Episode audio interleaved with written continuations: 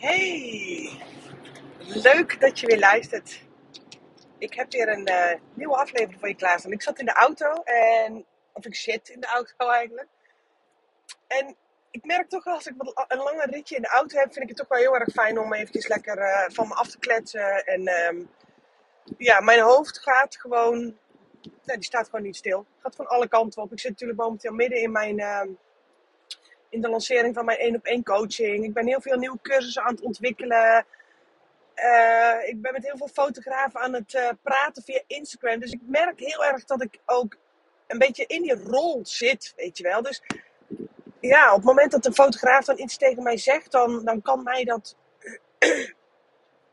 ja, dan kan mij dat soms gewoon echt wel een paar dagen bezighouden. En door dan lekker te gaan podcasten, kan ik het gewoon even lekker van me afkletsen. En ik, uh, vandaag woensdag. Oh, dit is mijn derde podcast al vandaag. oh, dat er echt nog iets zinnigs uit mijn mond komt, is echt een... Uh... Nee, dat is geen wonder, dat is gewoon heel fijn. nou, ik heb lekker een uh, middagje spa achter de rug met uh, vijf magnesiumbehandelingen. Ik, ehm, ik ben zo blij dat de spa ook gewoon weer lekker open is. En ehm, ja, dat er gewoon nog plekjes zijn waar ik ook zonder QR-code gewoon nog heel erg fijn van kan genieten. Dus dat heb ik ook lekker gedaan vanmiddag. Maar ja, ik zit nu weer uh, onderweg. En uh, zoals je hoort zit mijn neus nog steeds wel een beetje vol. Ben nog steeds wel een beetje verkouden. Niet dat mijn postvak in zo te vol loopt. Hé, hey, je corona! Nee hoor, ik heb gewoon netjes drie zelftesten gedaan deze week. En uh, wij zijn een paar weken geleden al de Sjaak geweest. Dus dat zit wel goed. maar ik had op de heenweg een podcast opgenomen over wat doe je als een klant over je grens heen gaat. En in die podcast, als jij mijn podcast in de juiste, of juiste, als jij hem in de volgorde van, van opnemen beluistert, dan heb je die podcast al geluisterd. En misschien heb je die nog helemaal niet geluisterd, dan heb je deze podcast gewoon aangeklikt omdat, je de, titel, uh, omdat de titel je aansprak. Want waar ik het in deze podcast met je over wil hebben, is hoe kun jij je tarieven tactisch inzetten? Dan hoor ik je denken, hoezo je je tarieven tactisch inzetten? Ik bedoel, hoe lager je je tarieven doet, hoe meer klanten je hebt en hoe hoger je tarieven, hoe minder klanten je hebt, toch? Nou, dat gaat dus niet op, is inmiddels mijn ervaring. Ooit ben ik begonnen met um, het fotograferen van fotoshoots van 40 euro, 50 euro en 60 euro. En het waren dan mini-shoots, normale shoots, maxi-shoots. Ja, serieus. Ik hoop ook dat je daar een beetje herkenning in ziet. En dat jij uh, ooit ook, uh, nou ja, ik hoop het niet. Maar de kans is heel groot dat je daar ergens rond die tarieven ook zelf begonnen bent. Geen idee. maar wat ik me toen niet besefte, toen ik die tarieven vroeg. En natuurlijk, gaandeweg zijn mijn tarieven verder omhoog gegaan. Ik bedoel, het moet ook bij je passen. Je moet er zelf comfortabel mee zijn. Laten we dat voorop stellen. Maar wat ik me toen de tijd niet besefte, is dat ik door deze extreem lage tarieven ook heel veel klanten misliep. Denk je, mensen willen toch juist het goedkoopste van het goedkoopste. Nee, want een tarief zegt heel veel over het product. Over, ja, laat ik het deze maar bij de naam noemen, een stukje status. Uh, ja, pannenkoek, ik moet er ook langs. Wil je iemand met 60 km per uur op een invoegstrook invoegen? Ja, dat is niet heel handig, uh, baas.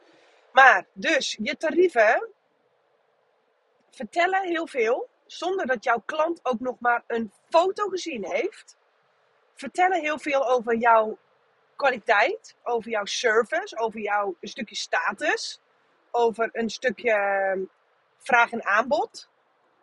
En dat is iets waar ik gaandeweg heel erg achter gekomen ben.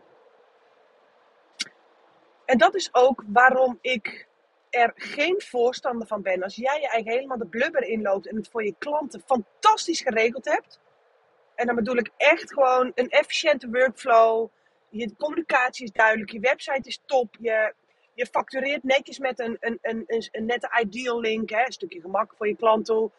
Je hebt ook gewoon aan de achterkant van je bedrijf gewoon echt aan het gemak van jouw klant gedacht. En dan ben ik er gewoon geen voorstander van als jij bijvoorbeeld daar hele lage tarieven voor vraagt. Omdat je, het klopt niet met wat jij levert. Het klopt gewoon niet. En een klant, ehm, ja, die ziet jouw jou, jou, jouw tarieven, ziet een klant onbewust een klein beetje als een soort van thermometer of zo, weet je wel?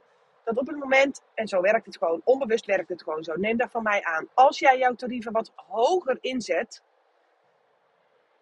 dan denkt de klant vaak, oh, dan zal ik hier echt wel uh, nog iets moois krijgen. Of uh, nou, misschien denkt de klant helemaal niks, hè, want prijzen en tarieven en investeringen doen onbewust doen ze iets met je.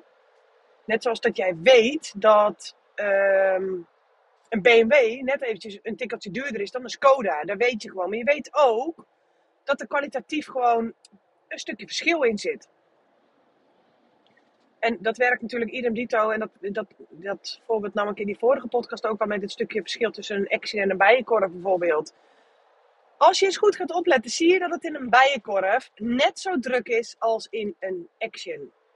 En hoe vaak zie je dan niet een Lidl naast een Albert Heijn?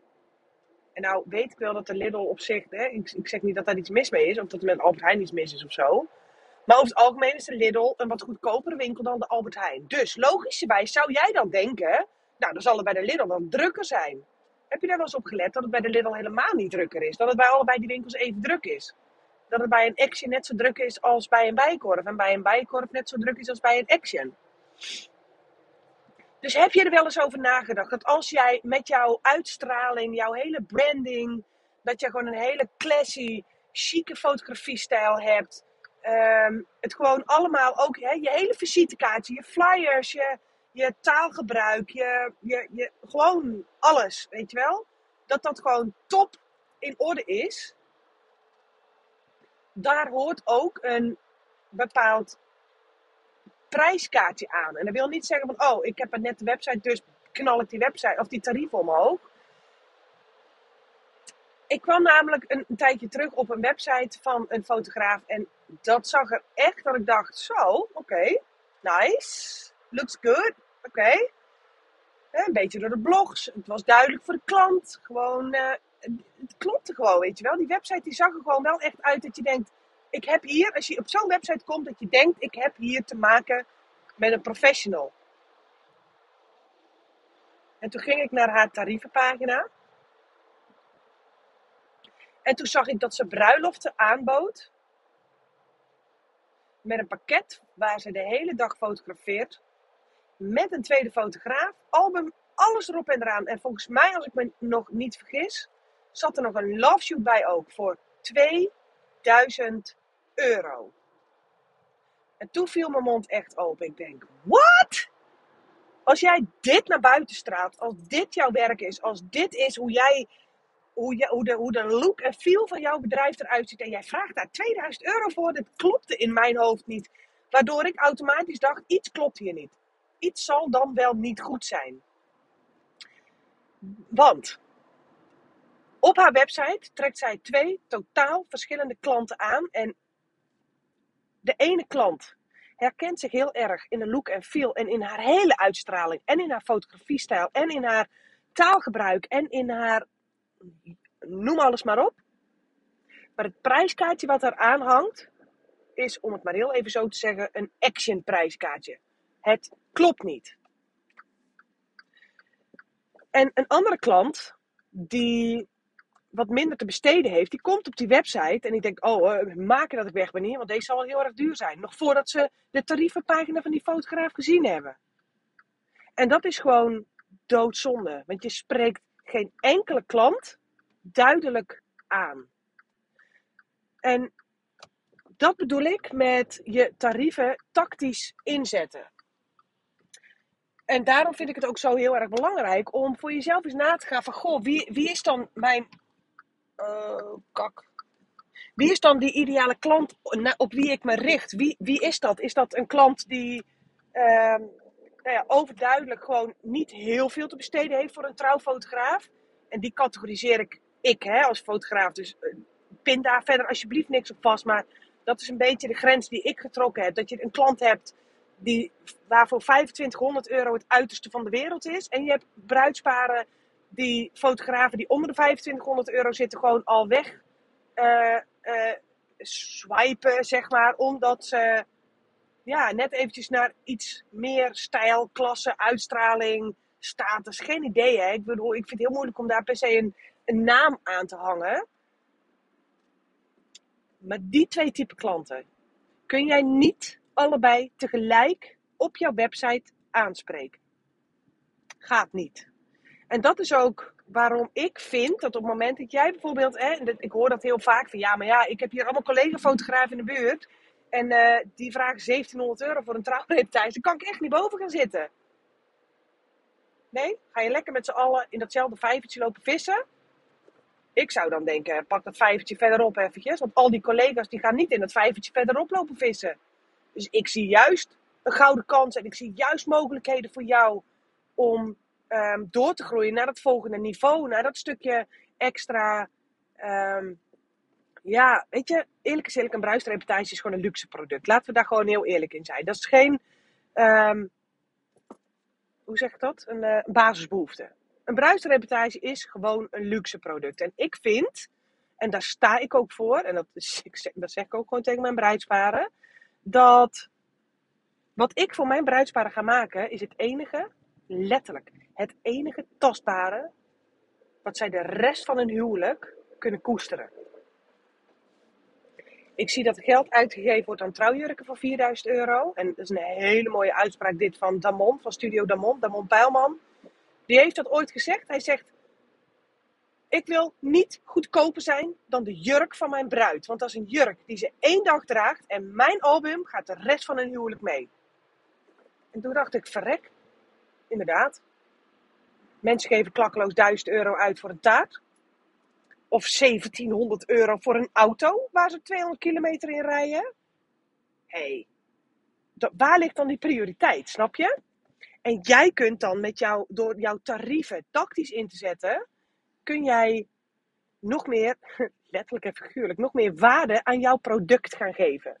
En dat is ook iets wat ik heel erg zie in het type bruidsparen wat ik nu bijvoorbeeld bij mij, wat ik nu aantrek en het type bruidsparen wat ik tien jaar geleden aantrok toen ik 60 euro per uur vroeg. Dat was een wereldbedrag voor mij, echt. Oh, ik werkte in, uh, toen ik in loondienst werkte verdiende ik 8 euro per uur. Denk ik, weet ik veel, 8 euro of zo. Ik heb in een kas gewerkt en ik heb bij de Jumbo achter de kassa gezeten. Ik denk niet dat ik veel meer dan 8 euro kreeg. moest ik vier dagen in de week werken voor 1000 euro in de maand. Dus toen ik begon met fotograferen, toen dacht ik, oké, ik ben natuurlijk een beetje rond aan het kijken geweest. En toen zag ik allemaal tarieven dat ik denk, holy shit, want dat kan toch niet? Dus toen ben ik maar gewoon begonnen op 60 euro per uur. Dus mensen die mij 10 uur in wilden huren, betaalden me 600 euro. Maar dat was voor mij zo'n wereldbedrag, omdat ik, wist ik veel, dat een camera ook geld kostte. En dat ik ook nog vier uur uh, per, per gefotografeerd uur achter Photoshop zat te kutten. Minimaal vier uur. Wist ik allemaal nog niet toen. Maar goed, dat maakt niet uit. Voor mij was. Um, voor mij was die 60 euro een heel hoog bedrag. Maar nu ik terugkijk, sloeg dit natuurlijk helemaal nergens op. En had ik ook, kan ik ook niet verwachten dat mensen mij, sorry, maar zo zit de wereld gewoon in elkaar, dat mensen me echt heel erg serieus hebben genomen toen de tijd. Voor dat tarief, weet je. En dat merk ik ook gewoon heel erg. Dat op het moment dat mijn tarieven elk jaar weer een beetje verder omhoog gingen.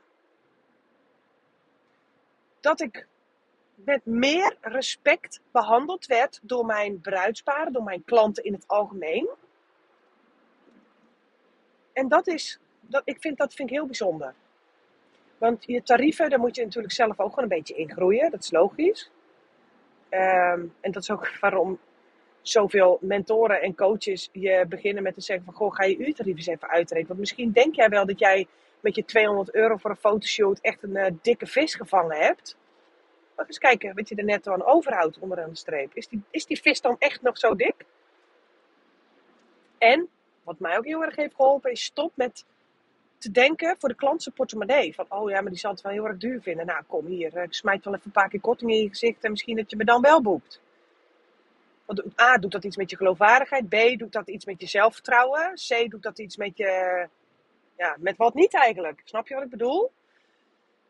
En dat vind ik dus heel erg bijzonder aan ehm, dat jouw tarieven, aan, aan die thermometer, die tarieven die moeten bij jou passen, die moeten bij jou, bij jouw hele branding moeten die eruit zien. Heb je de gevel van de bijenkorf wel eens gezien en de gevel van de Action? Om nog maar heel eventjes het Jip en Janneke voorbeeld um, er even bij te halen. Heb je wel eens gekeken naar het verschil? In wat voor panden zitten de bijenkorfwinkels? En in wat voor panden zit de Action?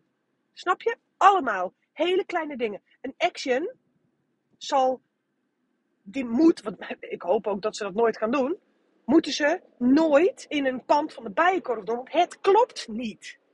Net als dat je een bijenkorf nooit in een pand van de Action zult gaan zetten omdat het gewoon een beetje het, ja, A-keus slash B-keus of zo. Misschien ook niet helemaal de juiste benaming.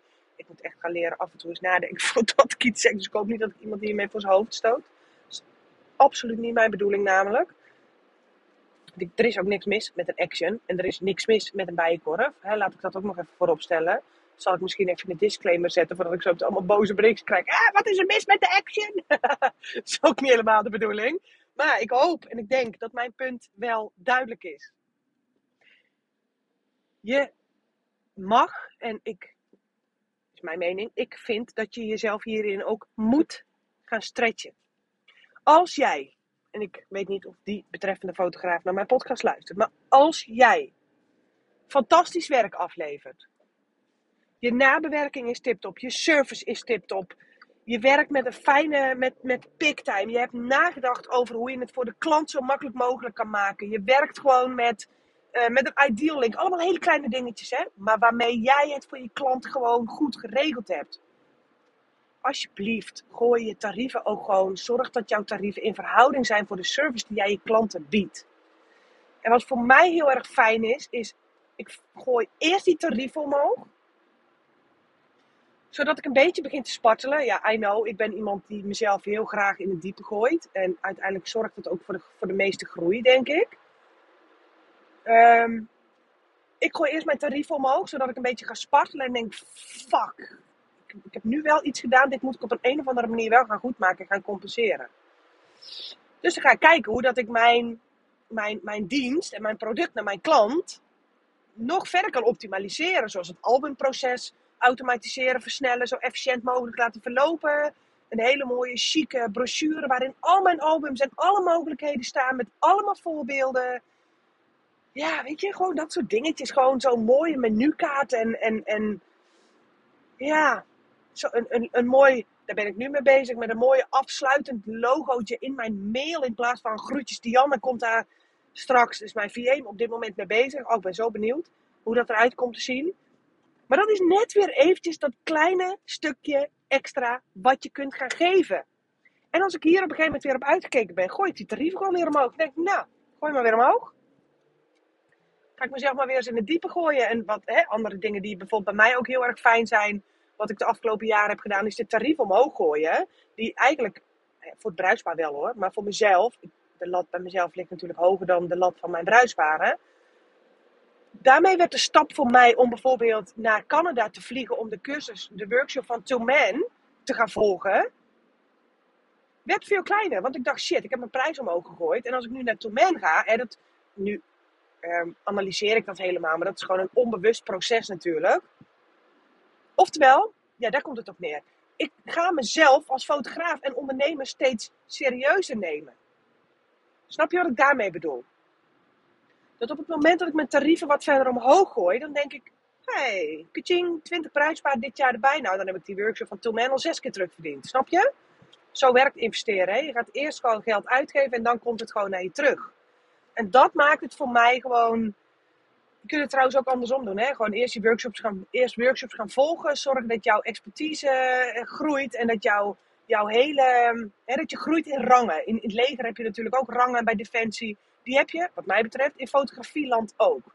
Dus kun, je eens voor jezelf gaan kijken hoe jij in rangen, en die rang die bepaal jij voor jezelf, hè, verder niemand. Hè. er is niet een marktplaats waar je met 1, 2, 3, 4 of 5 sterren kunt werken. Van, oh, dat is een low budget fotograaf voor 100 euro en dat is een high-end fotograaf voor 500 euro. Zo werkt het natuurlijk niet. Maar ga eens voor jezelf kijken of je, of dat, welke manier voor jou het meest fijn is en of jou, um, de klant die op dit moment op jouw tarieven afkomen, of dat jij daar helemaal content mee bent, of dat je denkt, nou, ik heb wel het idee ehm, dat ik mijn pakketten heel erg makkelijk verkoop. Laat ik eens gewoon 200 euro bovenop gooien. Want ik denk dat op het moment dat jij je pakketten te makkelijk verkoopt, is geen goed teken. Ga je je eigen groei gruwelijk in de weg staan. En tuurlijk, ik besefte me dat vorig jaar heel erg toen ik dacht, kak, ik zit voor 2022 gewoon vol. Ik bedoel, ik wilde maximaal 20 bruiloften aangenemen en ik zit inmiddels op 25 bruiloften.